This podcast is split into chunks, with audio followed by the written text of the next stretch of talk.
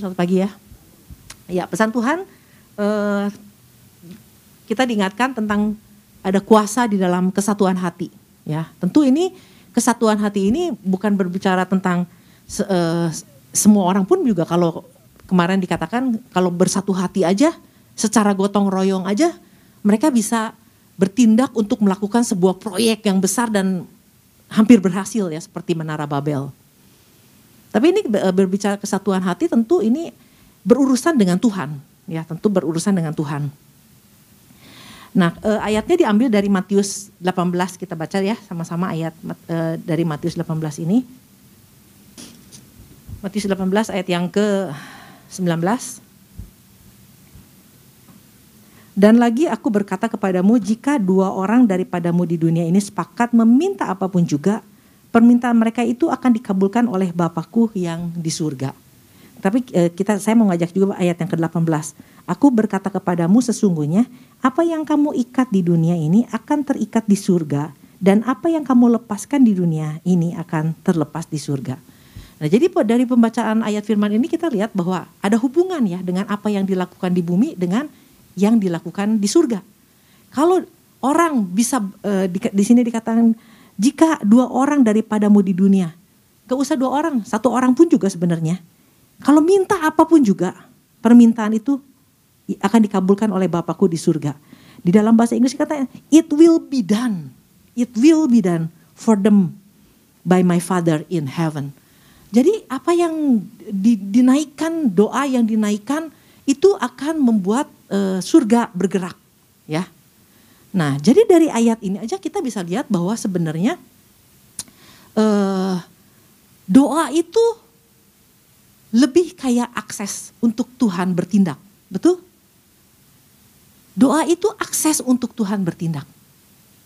Artinya gini, kalau nggak ada doa, Tuhan tidak bertindak.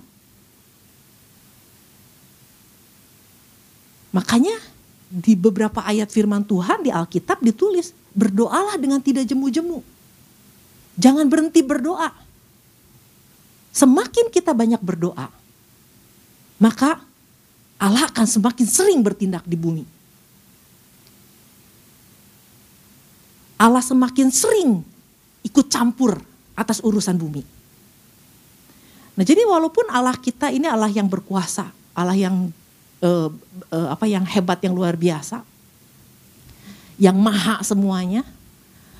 Tetapi dia punya satu aturan, dia ada aturan yang dia tidak bisa main selonongan, ya nggak bisa main selonongan karena memang e, dan bagaimana dia membatasi diri untuk tidak bertindak e, ya sesukanya dia, ya ada aturan karena memang dia yang bikin aturannya itu.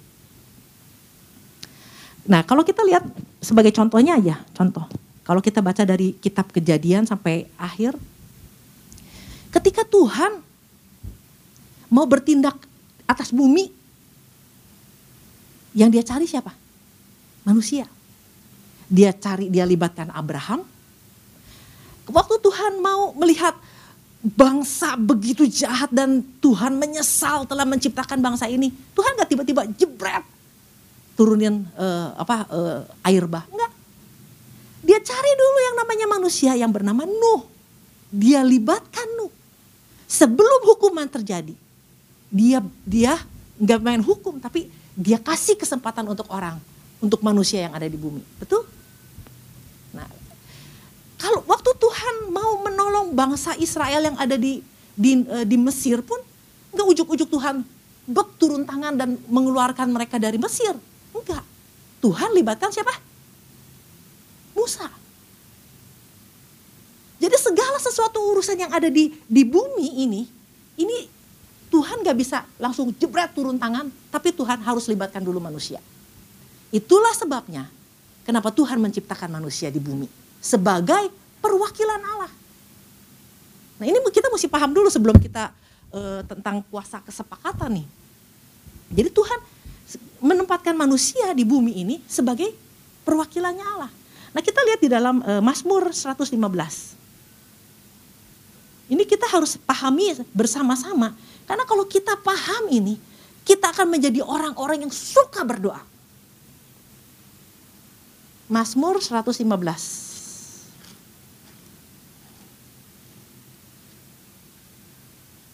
Ayat yang ke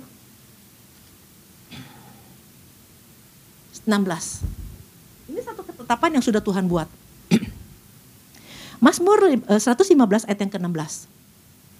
Langit, langit itu kepunyaan Tuhan dan bumi itu telah diberikannya kepada anak-anak manusia. Jelas ya? Jadi kalau di dalam bahasa Inggrisnya the heaven ya, bukan langit. Heaven itu urusannya Tuhan. Tuhan berurusan dengan surga. Tapi kalau berurusan dengan bumi, bumi itu udah diberikan kepada manusia. Jadi kalau Tuhan yang ada di surga mau bertindak di bumi, dia harus melibatkan dulu manusia. Makanya Tuhan menciptakan manusia di bumi supaya menjadi kepanjangan tangannya Tuhan untuk Tuhan bertindak. nah, bagaimana? Nah, untuk Tuhan bertindak, ya aksesnya cuma satu, berdoa. Doa-doa kita. Nah, kita lihat lagi di dalam Mazmur 8 Mazmur 8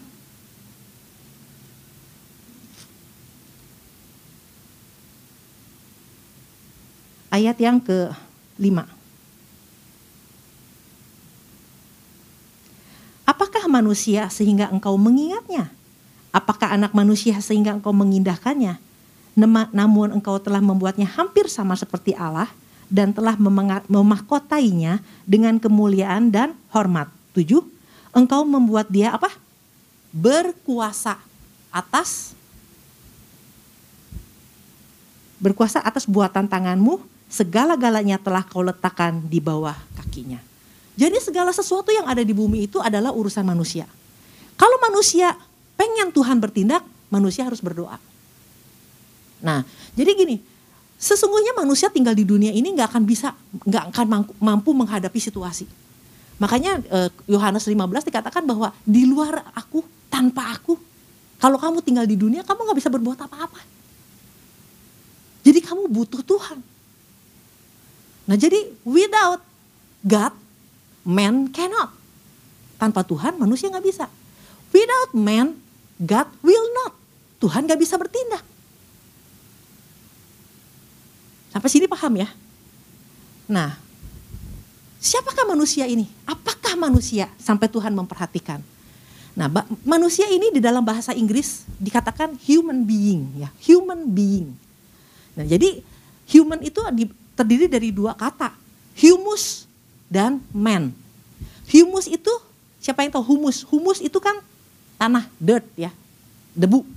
Man itu, man being itu adalah spirit, ya manusia roh. Nah, manusia uh, man ini nggak punya gender. Jadi waktu Tuhan menciptakan uh, uh, marilah kita bersama-sama menciptakan manusia. Di, di bahasa Inggrisnya marilah kita sama-sama menciptakan man. Nah, bu, itu bukan berarti laki-laki. Man itu adalah spirit. Spirit ini natural, nggak ada gendernya. Nah, waktu manusia itu dipakein tubuh, ya dia dikandung di dalam tubuh ibunya ditenun dan sebagainya itu lagi dibikin bentuk tubuhnya. Laki-laki atau perempuan. Jadi cuma tubuh yang punya gender. Jadi yang namanya perempuan itu adalah female man laki-laki itu adalah male man. Ya paham? Jadi jadi man jadi kalau Tuhan bilang dia menciptakan man itu bukan menciptakan laki-laki dia sedang menciptakan manusia. Manusia itu berarti dalam bentuk roh. Nah jadi human atau humus man ini adalah manusia roh yang punya tubuh. Nah manusia roh yang punya tubuh inilah yang secara sah tinggal di bumi. Karena Tuhan yang sudah menetapkan bumi itu sudah diberikan kepada humus man ini. Manusia yang punya tubuh. Nah jadi gini, jadi kalau setan yang gak punya tubuh, dia tinggal di bumi ini secara ilegal. Makanya kita yang punya tubuh ini bisa ngusir dalam nama Tuhan Yesus. Ku usir, aku tengking apa segala macam. Karena kita yang sah tinggal di bumi. Nah untuk supaya si setan ini berpikir gimana supaya saya bisa sah tinggal di bumi. Dia cari apa? Cari tubuh. Dia cari rumah untuk dia bisa tinggalin. Nah waktu di, di Taman Eden, uh, setan pengen menggagalkan rencana Tuhan, dia nggak bisa tuh ujuk-ujuk datang sama sama sama Hawa, sama Adam ngomong uh, apa uh, bikin kacau nggak bisa. Dia harus masuk ke dalam tubuh dulu. Dia cari yang namanya binatang bernama ular untuk dia bisa ngomong sama manusia. Nah, jadi waktu Tuhan Yesus datang ke dunia, nggak bisa Yesus Allah datang ke manusia, Allah yang adalah roh datang ke bumi itu nggak bisa. Dia harus apa? Dalam bentuk manusia. Jadi Yesus itu adalah manusia. Tapi Christ, Kristus itu adalah spirit. Jadi Jesus Christ adalah manusia, eh, roh di dalam manusia. Nah, kita lihat di dalam Yesaya tadi juga sempat di, uh, ada tuh uh, tentang uh, Immanuel, ya Yesaya. Ini kita kenapa saya bicara ini dulu? Karena gini, kalau kita paham ini ya, betapa kita juga kita menjadi orang-orang yang nggak mudah diombang ambing dan nggak mudah kita menjadi takut sama setan. Kita tahu siapa keberadaan kita di dunia ini yang memang Tuhan udah bilang kamu berkuasa di bumi humus man ini, human ini, kita ini manusia ini berkuasa di bumi. Dan ketika kita mau Tuhan melakukan perkara di bumi, kita tinggal berdoa. Kita tinggal doa dan doa itu membuka akses Allah berkarya, Allah campur tangan, Allah ikut campur di dalam urusan yang terjadi di muka bumi ini ya. Nah, Yesaya 7 ayat yang ke-14. Nah, kenapa disebut Immanuel? 7 ayat yang ke-14. Sebab Tuhan sendirilah yang akan memberikan kepadamu suatu pertanda. Sesungguhnya seorang perempuan muda mengandung dan akan melahirkan seorang seorang anak laki-laki dan ia akan menamakan dia Immanuel. Immanuel ini mengandung arti gini, im itu inside. Man itu manusia, roh dalam artinya, dalam artian roh. El itu Elohim. Jadi Immanuel itu adalah Allah di dalam tubuh manusia. Paham? Allah di dalam tubuh manusia. Nah jadi kalau kita bilang Allah Immanuel, Allah beserta sebenarnya enggak itu sebenarnya punya artinya bahwa Allah itu Yesus itu adalah Allah di dalam tubuh manusia. Kristus di dalam Yesus. Jadi makanya disebut Yesus Kristus. Nah jadi untuk Allah ber, mau men, menyelamatkan sebuah bangsa di muka bumi ini enggak ujuk-ujuk datang dalam rupa roh. Karena Allah itu roh. Dia harus menjadi manusia. Karena ini urusan bumi adalah urusan manusia. Nah, jadi betapa luar biasanya Tuhan, betapa powerfulnya kita di bumi ini ketika kita mau berdoa, maka pasti Tuhan campur tangan di dalam kehidupan manusia. Nah, dari sini kita belajar bahwa oleh karena itu eh, apa namanya Tuhan itu mengajarkan kita juga nggak bisa semuanya berarti oh berarti semua orang yang berdoa Tuhan campur tangan. Enggak juga. Karena di dalam Matius 7 dikatakan bukan yang Tuhan Tuhan tetapi adalah orang-orang yang melakukan kehendak Tuhan. Nah ternyata orang yang bisa berdoa dan membuat Tuhan campur tangan juga punya kualitas. Nah, kualitas manusia yang seperti apa yang bisa dikatakan e, bisa menghadirkan kerajaan Allah, bisa menghadirkan kuasa Tuhan bekerja di bumi? Kualitas dari manusia yang sangat paham kenapa dia ada di bumi. Sangat paham kenapa Tuhan menempatkan kita di bumi. Menjadi utusannya Tuhan, menjadi wakil Allah di bumi ini harus e, manusia-manusia yang paham ini. Selain dia paham tentang maksud Tuhan menciptakan kita di bumi ini, yang kedua adalah orang-orang yang melakukan kehendak Tuhan. Artinya punya uh, kesadaran untuk hidup kudus. Punya kesadaran untuk hidup di dalam ketaatan. Jadi bukan yang Tuhan-Tuhan. Gak semua orang yang ber, berdoa itu mendatangkan akses. Nah makanya gini, kenapa Tuhan bilang kalau dua orang sepakat aja. Artinya gini, dua orang punya punya satu pandangan bahwa gua di bumi ini punya tujuan bahwa ketika Tuhan menempatkan gue di bumi ini, gue benar-benar harus menjaga kekudusan. Gue harus menjadi pelaku firman Tuhan. Kalau dua orang ini berdoa berdoa sepakat dengan untuk kepentingan kerajaan surga, maka perkara yang dahsyat bisa terjadi secara luar biasa. Nah, jadi kesepakatan ini kemarin dikatakan bukan cuma minta bareng, topiknya sama, tapi punya kualitas yang sama. Punya pemahaman tentang kenapa gue ada di bumi. Kenapa Tuhan menempatkan saya di bumi sebagai wakilnya Tuhan, sebagai ambasadornya Tuhan. Kalau orang-orang ini paham tentang ini dan dia berdoa, maka akses Tuhan menjadi lebih lagi, menjadi Tuhan menjadi bebas untuk ber, ber apa uh, ikut campur di dalam kebutuhan keadaan di bumi ini. Nah, kalau kita lihat satu orang aja, Tuhan pakai Adam. Tuhan pakai eh, Tuhan pakai Abraham, satu orang bisa dahsyat. Tuhan pakai Musa satu orang, bisa dahsyat. Nah ketika Tuhan pakai Joshua dan Kaleb, bisa lebih dahsyat lagi. Nah kenapa Tuhan cuma nuntut dua orang? Gak perlu satu negeri, gak perlu satu satu satu nation, satu bangsa. Kenapa? Karena gak semua bangsa di dalam satu seluruh bangsa pun untuk bisa memahami uh, kenapa kita ada di bumi ini untuk pekerjaan Tuhan, gak semua orang bisa nangkep itu. Nah diharapkan, diharapkan sama Tuhan bahwa suami istri mestinya nangkep kok. Kamu udah menjadi satu daging, kamu udah bersama-sama, kamu harusnya nangkep. Nah tugas yang bisa memberikan uh, untuk supaya su suami istri bisa bersama-sama sepakat, ya adalah tugas imam. Berarti imamnya dulu harus bertumbuh, imamnya dulu harus paham. Jadi dia bisa kasih tahu ke, ke, ke pasangannya tentang tujuan Kenapa Tuhan menciptakan kita? Kenapa kita mesti berdoa? Kita berdoa untuk apa? Kenapa kita harus menjaga kekudusan? Kenapa kita harus melaku, menjadi pelaku firman Tuhan? Nah kalau nangkep ini, dua orang sepakat minta, maka Allah akan melakukannya. Lah Allah sendiri akan bertindak. Ini luar biasa. Nah oleh karena itu ketika kita tahu siapa kita hari ini di dalam Tuhan. Kenapa Tuhan menciptakan dan menempatkan kita di bumi ini. Tuhan mau kita menjadi orang-orang yang terus berdoa. Dan semakin banyak orang yang berdoa, semakin sering berdoa, maka kuasa Tuhan, maka uh, apa uh, surga ikut campur apa pun yang terjadi di bumi akan cepat selesai kalau Tuhan yang bekerja. Betul? Jadi Tuhan sangat butuh kita. Makanya uh, kalau kita baca lagi di dalam Alkitab, Tuhan juga bicara tentang jaga makanan Jangan makan sembarangan. Ada yang boleh dimakan, ada yang gak boleh dimakan. Kenapa? Karena tubuh ini penting buat Tuhan. Karena humus, humus man ini penting buat Tuhan.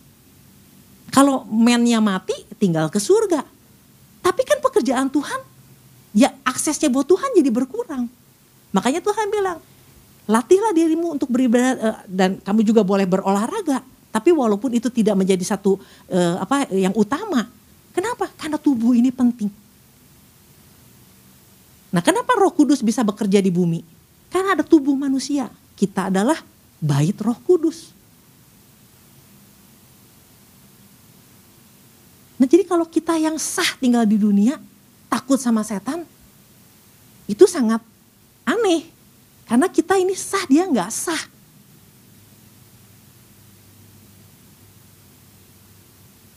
Nah jadi untuk untuk untuk Tuhan campur tangan, ikut campur di dalam urusan manusia. Kalau ada dua orang yang paham betul, maka luar biasa. Nah ini yang Tuhan ingatkan sama kita. Makanya, nah terus kan kalau kita lihat bahwa murid-murid Yesus gak pernah datang sama Tuhan minta diajarin, guru ajarkan aku nengking setan. Gak ada ayatnya. Guru ajarkan aku menumpangkan tangan di atas orang yang sakit, orang yang sakit sembuh ajarkan aku untuk uh, menenangkan badai. Kalau nanti kita naik perahu nih, kalau ada badai, ajar aku menenangkan badai. Murid nggak pernah diajarin gitu. Yang dia minta adalah apa? Ajarkan kami berdoa. Nah jadi artinya gini, orang agamawi juga berdoa.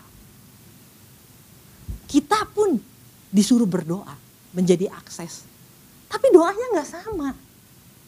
Makanya Tuhan kasih template kasih pola, kasih tahu caranya bagaimana kita berdoa.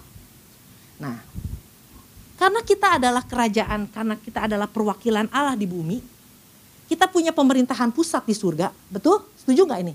Kita di bumi sebagai wakil Allah, kita punya pemerintahan pusat di surga.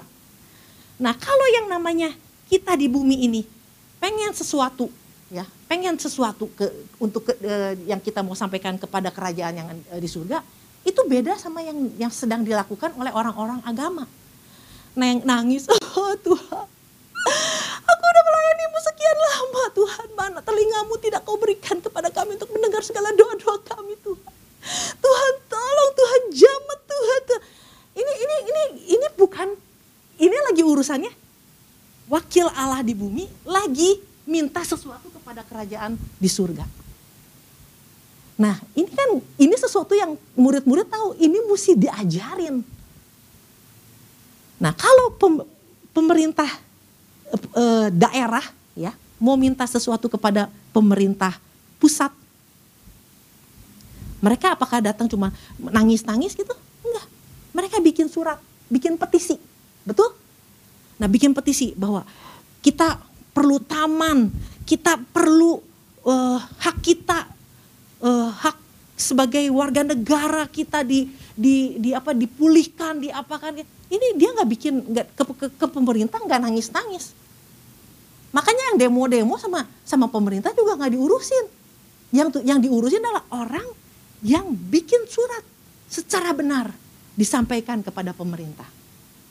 Nah makanya Tuhan bilang, kalau kamu doa cara agamawi, kamu gak akan bisa sampai. Makanya Tuhan bikin, sini saya ajarin cara kamu berdoa. Datang kepada, bagaimana kamu mau datang minta sesuatu kepada pemerintah pusat. Nah, kita lihat di dalam uh, Lukas. Lukas 11.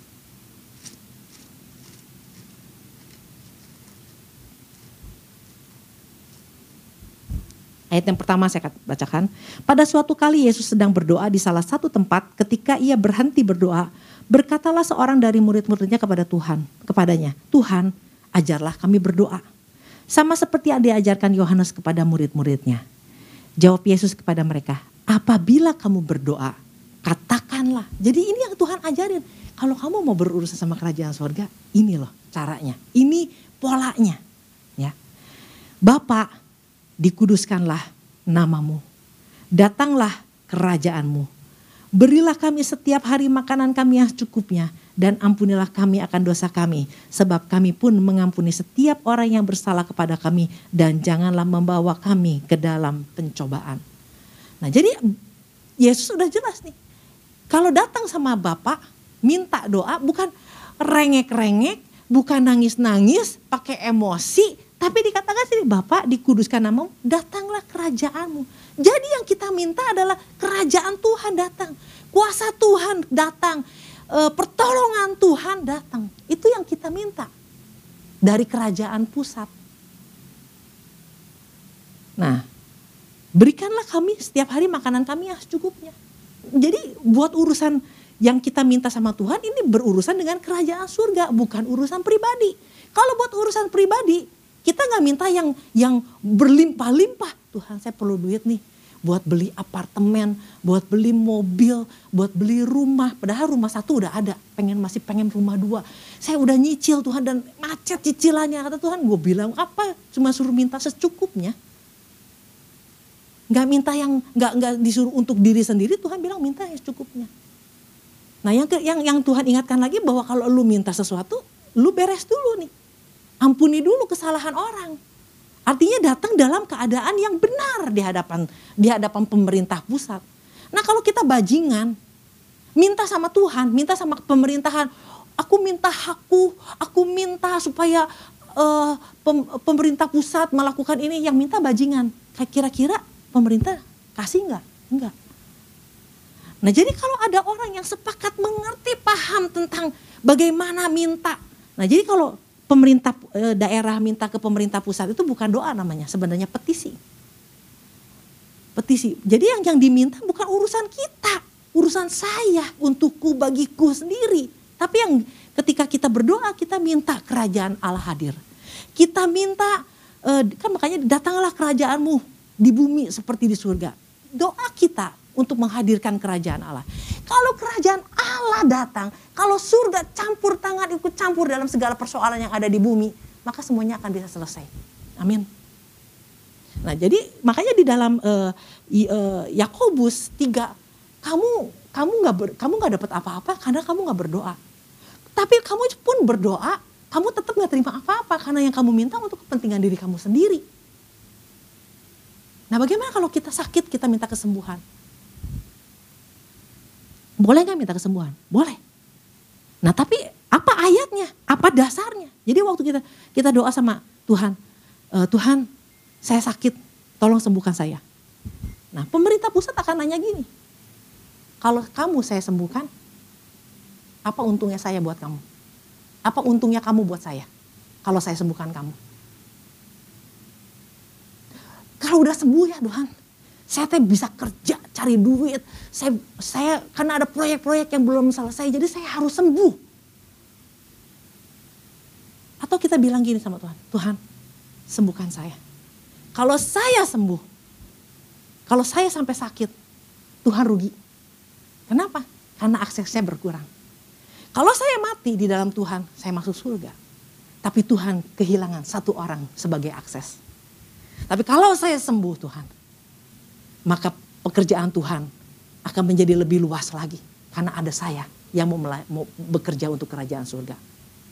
Nah ini yang harusnya doa. Oleh karena itu Tuhan, cabut segala sakit penyakit yang ada di dalam tubuh saya. Sembuhkan saya Tuhan, karena Tuhan masih butuh saya. Tapi bukan cuma ngomong doang. Setelah itu kita nggak melakukan apa-apa buat Tuhan. Karena Tuhan juga tahu yang sungguh-sungguh minta untuk pekerjaan Tuhan sama yang bohong juga Tuhan tahu. Tuhan saya terjepit sama uh, sama uh, apa hutang nih dan hutang itu membelit saya. Terus Tuhan bilang, kalau saya pulihkan keadaan ekonomi kamu, apa untungnya buat saya untuk kerajaan surga? Kita akan bilang, kalau Tuhan pulihkan keadaan ekonomi saya, saya akan lebih lagi bebas bekerja untuk kerajaan surga. Tidak lagi terikat, tidak lagi dibebani oleh persoalan keuangan. Karena saya mau melayani Tuhan dengan segenap hati saya. Kira-kira Tuhan dengar gak? Nah jadi selama ini mungkin kita salah berdoa. Karena kita minta dengan emosi. Kita minta meraung-raung. Nah sedangkan Tuhan bilang, doa Bapak kami yang Tuhan ajarkan ini tentang apa? Tentang mendatangkan kerajaan Allah. Kerajaan surga, suruh datang ada di bumi. Buat kita buat kita pribadi Tuhan bilang secukupnya. Tapi kan terbalik. Buat kita minta berlimpah-limpah dan buat urusan Tuhan kita nggak peduli. Nah bagaimana kita bisa menjadi akses buat Tuhan kalau misalnya gini. Kita itu berdoa cuma karena kita udah ke masalah baru kita doa. Itu bukan doa yang akses menjadi akses buat Tuhan. Betul?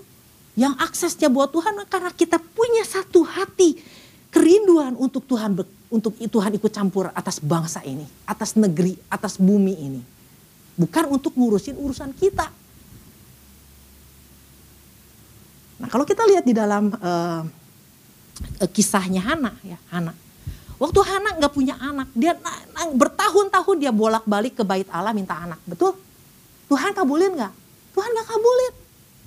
Karena Tuhan juga tahu motivasi dia mungkin nanti punya anak supaya dia mau mau mau kasih tahu ke orang-orang lihat deh nih gue mah nggak mandul gue bukan perempuan mandul atau dia mau kasih tahu ke Penina saingannya bahwa lihat deh lu punya anak gue juga punya anak selama motivasinya nggak beres Tuhan nggak akan buka kandungannya sampai satu titik di mana dia mulai berkata Tuhan aku bernasar.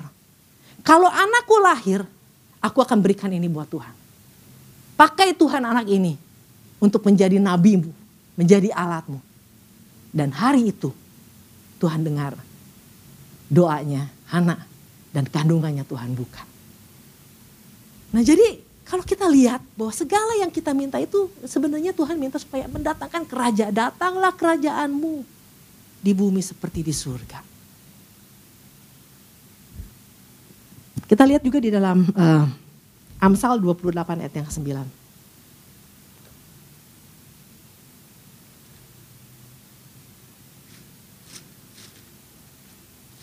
Amsal 28 ayat yang ke-9. Siapa yang memalingkan telinganya untuk tidak mendengarkan hukum, juga doanya adalah kekejian. Jadi orang-orang yang uh, di bumi ini yang Tuhan katakan human, humus man ini uh, hidupnya nggak berdasarkan hukum Tuhan, melanggar terus hukum Tuhan. Terus dia mau coba-coba berdoa mau jadi akses. Tuhan bilang doanya aja gue nggak mau denger, najis buat gue itu doanya.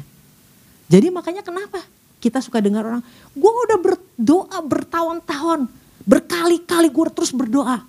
Tuhan gak jawab, kayaknya Tuhan gak dengar. Bukan Tuhan gak dengar.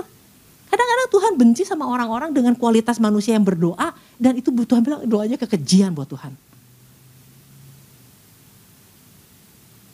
Nah jadi kalau suami istri yang sepakat ini paham tentang kedudukan posisi dia di muka bumi ini berdoa untuk menghadirkan kerajaan Allah dan hidup di dalam kebenaran firman Tuhan. Betul-betul selaras tegak lurus dengan dengan kehendak Tuhan. Maka luar biasa. Akan terjadi sesuatu yang luar biasa.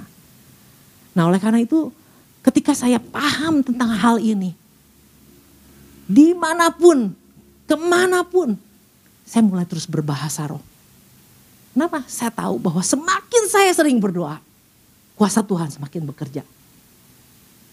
Tuhan semakin sering campur tangan. Tuhan sering, makin sering ikut campur dalam segala sesuatu yang terjadi di muka bumi ini. Nah oleh karena itu kita belajar pagi hari ini kita lihat juga nih uh, satu lagi nih yang kita saya mau tambahkan di dalam uh, Lukas 18, kita lihat Lukas 18 satu lagi. Lukas 18 ayat yang pertama. Perumpamaan tentang hakim yang tidak benar. Yesus mengatakan suatu perumpamaan kepada mereka untuk menegaskan bahwa mereka harus apa? Berdoa dengan tidak jemu-jemu. Nah, Yesus ngomong berdoa dengan tidak jemu-jemu, tapi Tuhan Yesus kasih satu perumpamaan tentang uh, seorang janda yang datang kepada hakim yang jahat. Apa hubungannya? Nah itu makanya bahwa doa itu bukan merengek-rengek, emosi, nangis-nangis, minta Tuhan tolong, bukan. Ini seorang janda ini gini, ini janda. Zaman dulu janda itu betul-betul ada di level uh, sosial yang paling rendah dan dia harus berurusan dengan hakim yang jahat, hakim yang keji. Nah bayangkan kalau perempuan yang udah nggak ada nilainya ini datang sama hakim merengek-rengek minta uh, minta sesuatu, kira-kira bakal ditendang nggak? Bakal ditendang. Tapi yang anehnya kalau kita baca selanjutnya ternyata perempuan ini nggak ditendang sampai akhirnya hakim ini meluluskan permintaannya di perempuan Kenapa? Karena perempuan ini tidak datang dengan merengek-rengek. Dia datang cuman bilang gini, belalah hakku. Ya, ayat yang ketiga. Dan di kota itu ada seorang janda yang selalu datang kepada hakim itu dan berkata, belalah hakku terhadap lawanku. Nah, berbicara tentang hak ini, ini tentang ini urusan bukan bukan lagi berdoa, ini lagi berurusan tentang hukum. Tentang hukum, tentang janji, tentang uh, undang-undang, tentang ketetapan. Jadi dia datang dengan ini loh, hak saya. Tertulis ini hak saya. Ini janji saya. Ini, ini saya sudah dijanjiin ini. Mana hak saya? Ini tertulis loh, ada. Saya cuma minta apa yang menjadi hak saya. Kalau dia datang terus berkali-kali hakim yang jahat aja, akhirnya meluluskan tidak mengulur-ngulurkan waktu. Luar biasa nggak? Ini hakim yang jahat loh Bagaimana kalau kita datang sama Allah yang penuh kasih? Tuhan, belalah aku. Ini loh, ini Tuhan janjikan gini. Tuhan janji memberikan saya masa depan yang cerah dan berbahagia. Tuhan janjikan kalau saya berdoa menumpangkan tangan di atas orang yang sakit, orang itu pasti sembuh. Ini janji Tuhan. Tuhan tidak akan mengulur-ngulur. Nah, kalau kita datang dengan membawa semua yang ada tertulis di, di dalam buku hukum ini, maka Tuhan akan dengar daripada orang yang datang merengek-rengek Tuhan gak akan dengar. Kalau di pengadilan juga lagi ada pengadilan, lagi ada uh, apa uh, pengadilan. Ini si, si si si apa orang yang punya masalah nangis terus. Hakim bilang apa? Kita istirahat dulu ya. Capek gue dengerin orang nangis. Kita istirahat aja. Jadi hakim di dunia pun juga nggak akan mau denger yang nangis-nangis. Yang Tuhan mau dengar adalah Tuhan ini janjimu ini yang menjadi hakku kenapa Kau yang bilang. Saya cuma minta ini bagian saya. Nah makanya Tuhan ingatkan, kalau doa, kemarin Pak Ishak juga, doa yang sesuai firman Tuhan. Bukan yang sesuai maunya kita.